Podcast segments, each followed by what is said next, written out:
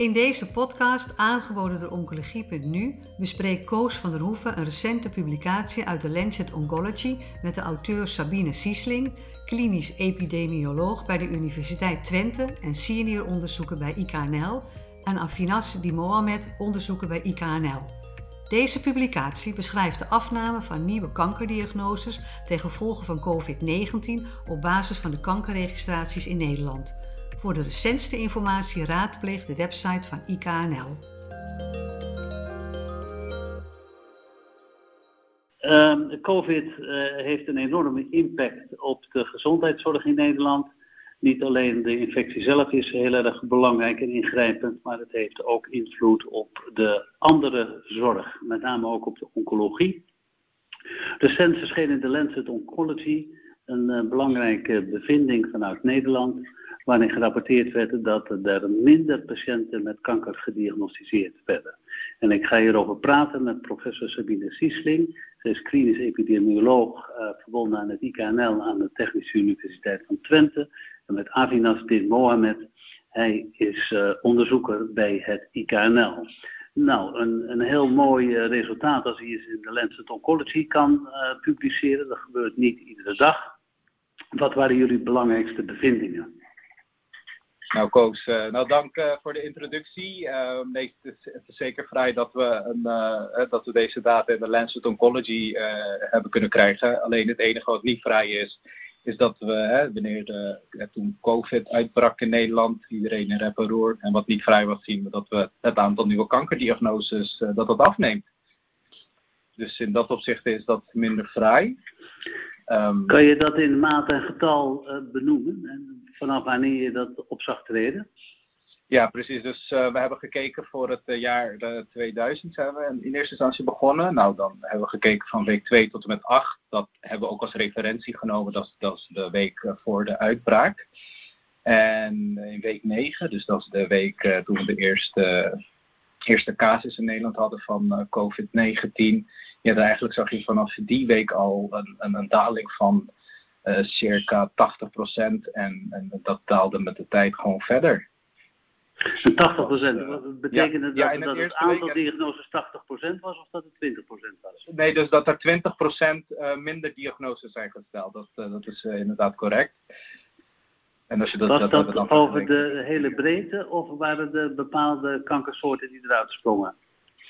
Um, ja, vooral um, huidtumoren die sprongen ook echt eruit. En als je ook de basaalcelcarcinomen weglaat, dan zie je alsnog een sterke daling uh, bij huidtumoren. Maar we zagen het uh, doorgaans uh, bij, bij, bij alle kankersoorten. Um, voor urinewegen en vrouwelijke geslachtsorganen viel het enigszins mee, maar bijvoorbeeld voor huid, borst, hematologische kankersoorten ook zagen we toch wel een, een flinke daling. En als we de, de, de Big Four of de Big Five nemen, dus borstkanker, longkanker, colorectale tumoren, prostaatkanker, gold dat daar ook voor? Ja, dat, uh, dat gold ook voor, uh, voor de Big Five inderdaad. Je zag er minder.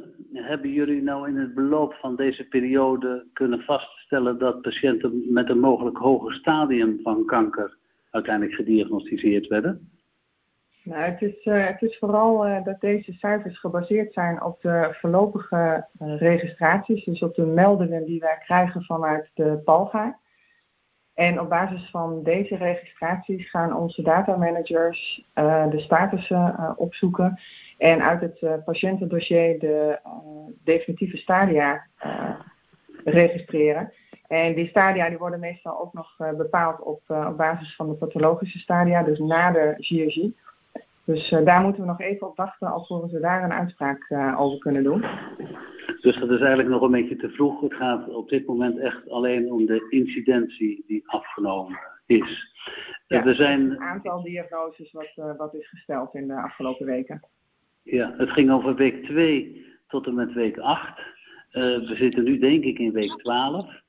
hebben jullie al iets van gegevens over wat daarna komt? Na week 2 tot en met week 8 is onze referentiecategorie. Dus die hebben we gemiddeld en dat uh, aantal nieuwe diagnoses op 100% gesteld. En we hebben nu cijfers tot en met week 19. En we zien dat, er, dat de daling over alle tumoren, tumorsoorten samen, dat daar nog steeds dus ja, een soort stagnatie in die daling zit. Dus er blijft ehm, ongeveer dat er 40% van de nieuwe diagnoses niet wordt gesteld. En we zagen bij huidkanker hadden we eerst uh, nou ja, het gevoel dat daar toch wel, wel weer wat stijging in het aantal diagnoses zat. Maar dat uh, blijkt toch nog niet helemaal door te zetten. Uh, de, de verklaring die lijkt misschien wel evident, maar zouden jullie toch nog iets willen zeggen over de verklaringen die jullie hiervoor hebben? Nou, voor een deel van uh, de verklaring denken we dat uh, patiënten zelf minder snel met klachten naar de huisarts zijn gegaan. Ehm, met het achterliggende idee van, de zorg heeft het al heel druk. Um, of misschien minder alert op zichzelf zijn. daarnaast is er ook vanuit de huisartsen een um, ja, wat terughoudend beleid in het begin geweest. Uh, en we hebben daar uh, in week 14 en 15 uh, in diverse media zijn oproepen geweest van ga vooral, meld je bij de huisarts wanneer je klachten hebt. En de huisarts verwijst vooral door naar het ziekenhuis. En ook een oproep aan ziekenhuizen. Probeer doorverwijs en het verwijsproces en de diagnostiek en behandeling voor kankerpatiënten goed op orde te houden. En, uh, Hebben jullie nog geprobeerd te achterhalen hoe het in de ziekenhuizen zelf gaat? Want de geluiden die we daarover hoorden, was dat er in de ziekenhuizen vaak juist uh, heel veel ruimte was om de diagnostiek uit te voeren. Omdat een heleboel processen in het ziekenhuis stil lagen. Ja, klopt. Um, wij hebben daar uh, uiteraard navraag gedaan ehm, en dat verschilt heel erg per ziekenhuis ook. Ehm, maar het is vooral ook de combinatie van het minder naar de huisarts gaan vanuit mogelijk patiënten zelf, uh, het minder doorverwijzen en uh, vervolgens toch, toch in het begin het gevoel hebben dat er heel veel menskracht richting directe COVID-zorg verplaatst moest worden. Um, dat dat eigenlijk de start is, is geweest. En, en we zien nu nog geen echte inhaalslag. Nee, er zijn een aantal tumoren die ook via bevolkingsonderzoek uh, met name voor verdere diagnostiek verwezen worden. Kunnen jullie daar nog iets over zeggen? Over borstkanker, dikke darmkanker, baarmoederhalskanker? Ja, het bevolkingsonderzoek is uh, vanaf uh, 16 maart zijn de bevolkingsonderzoeken stopgezet. En um, dat is ongeveer twee weken na het stopzetten zou je dat mogelijk kunnen zien in de, in de aanvallen. En uh, bij bijvoorbeeld borstkanker uh, zien we dat um, de leeftijdsgroep van de screening, 50 tot en met 74, um, dat die uh, leeftijdsgroep eigenlijk nog steeds um, ja, geen, geen inhaalslag aan het, aan het doen is. Dus, dus daar zien we nog steeds een, een daling. En die ligt, het aantal diagnoses bij die leeftijdsgroep ligt ook achter bij de leeftijdsgroepen jonger dan 50 en ouder dan 75. Dus we denken dat dat echt uh, gerelateerd is aan het stopzetten van de screening. Ja, dus ja, qua incidentie is het verontrustend. De consequentie die kan je nog niet helemaal overzien, omdat je nog niet hebt kunnen vaststellen dat mensen met een hoger stadium komen. En we weten natuurlijk nog niet wat de, de, de betekenis voor de uiteindelijke uitkomst is. Het is ja. heel erg mooi dat jullie zo snel deze gegevens boven tafel hebben gekregen en ook hebben kunnen publiceren. Hebben jullie um, gegevens over hoe dit in andere landen is? Ja, daar, um, om daar even verder op te gaan, Koos. Nee, in andere landen is dit nog niet uh, helemaal duidelijk. Ja, dan, um, als je dan ook op social media kijkt, uh, Twitter wordt vooral ook vanuit het medisch perspectief veel gebruikt om resultaten te delen. En ons onderzoek is daar ook uh, goed opgepakt. En je merkt ook dat verschillende oncologen, uh, over, in andere landen zelfs oncologen uit Turkije, in Japan ook, hè, dat ze zeggen van ja, dit gebeurt in Nederland, ja, dit zal vastgetwijfeld ook in ons land uh, gebeuren. Dus we zijn wel een van de eerste en tot op heden heb ik ook nog niet echt andere data gezien die dit zo hard bevestigen op basis van kankerregistratiedata. We gaan ervan uit dat, dat vroege diagnostiek in zijn algemeenheid toch bijdraagt aan een betere prognose van patiënten.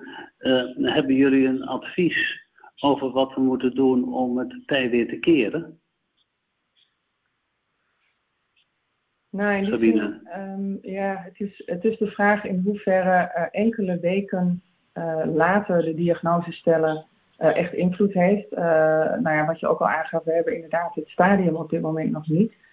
Um, we richten ons in dit gesprek nu ook op de uh, diagnoses die zijn uh, verminderd, maar er is ook, uh, zijn ook aanpassingen geweest in de behandeling.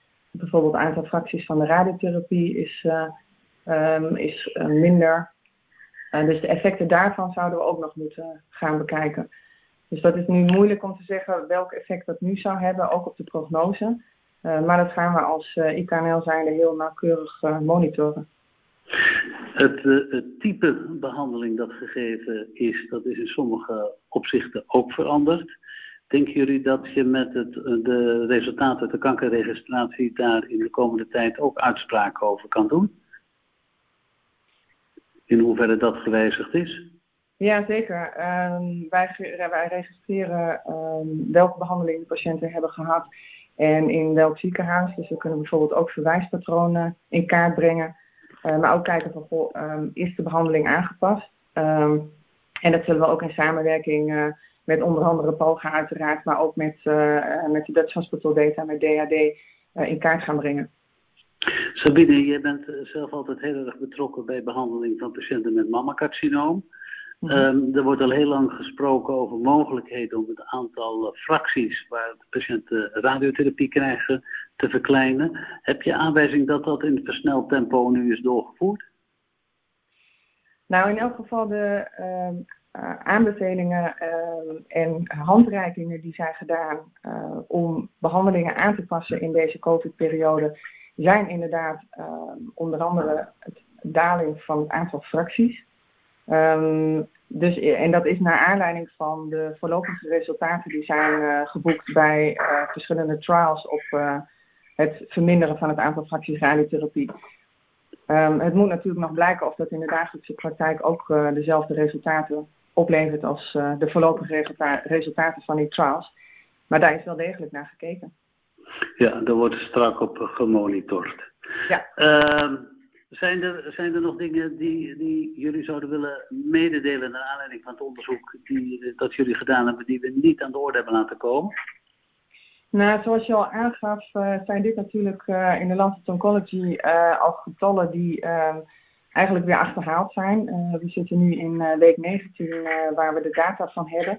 Dus ik zou luisteraars adviseren om uh, op de IKNL-website uh, te kijken, want daar uh, worden ook de gegevens per tumorsoort aangegeven. En wordt elke week een, een update van de laatste getallen aangegeven. En daar proberen we dan ook een duiding aan te geven. Um, Avinas. Ik denk dat dat heel relevant is. Avinas, nog verdere aanvullingen? Nee, ik heb zeker geen uh, aanvulling hier. Wat Sabine heel uh, correct zei, van we houden dit uh, wekelijks komen met updates en dan kunnen we gewoon de situatie goed in de gaten houden. En uh, wat net ook is besproken met de tijd kunnen we echt uh, de omvang hiervan uh, goed in kaart brengen en te kijken van wat voor consequenties het heeft. Dus um, helaas dat we op zo'n manier dit soort um, casussen moeten gaan onderzoeken. Maar stel dat er weer um, een uitbraak is van soortgelijke omvang. Dan hebben we in ieder geval een soort van handboek hoe, we kunnen handelen. Dus, dus Oké, nou heel mooi dat uit de data van de Nederlandse kankerregistratie zo snel zinvolle informatie gehaald kan worden. En ik uh, dank jullie uh, voor dit gesprek. En wellicht dat we in de komende tijd er nog meer van zullen kunnen horen. En wellicht nog een keer een herhaling van deze podcast kunnen maken. Dank jullie wel. Zeker. Dank je wel. Bent u geïnteresseerd in meer podcasts? Deze zijn te vinden op de website oncologie.nu.